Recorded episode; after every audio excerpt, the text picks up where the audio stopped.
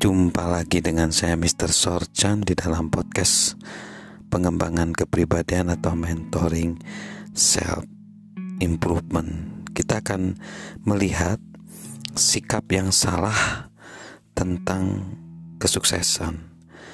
Meskipun kita sudah menghindari jebakan untuk berpikir bahwa kesuksesan berarti menjadi seperti orang lain, kita mungkin masih punya sikap yang salah tentang kesuksesan.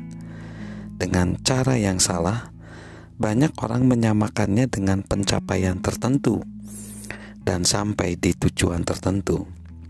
Berikut beberapa pengertian yang salah tentang kesuksesan. Kekayaan. Mungkin kesalahpahaman paling umum adalah kesuksesan sama dengan memiliki banyak uang banyak orang percaya bahwa jika mereka mengumpulkan kekayaan, mereka akan sukses. Namun, uang tidak menghilangkan masalah yang ada saat ini, dan bahkan menimbulkan banyak masalah baru. Jika kita tidak percaya, lihatlah kehidupan para pemenang lotre. Kekayaan tidak membawa kepuasan atau kesuksesan, perasaan khusus Kesalahpahaman lain yang umum terjadi adalah bahwa orang-orang mencapai kesuksesan jika mereka merasa sukses atau bahagia.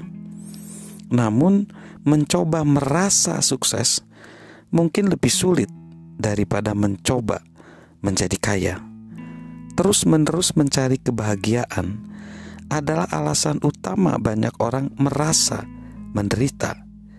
Jika kebahagiaan menjadi tujuan, kita hampir pasti akan gagal. Kita akan terus-menerus merasa terombang-ambing, berubah-ubah antara sukses dan tidak sukses dengan setiap perubahan suasana hati karena itu perasaan.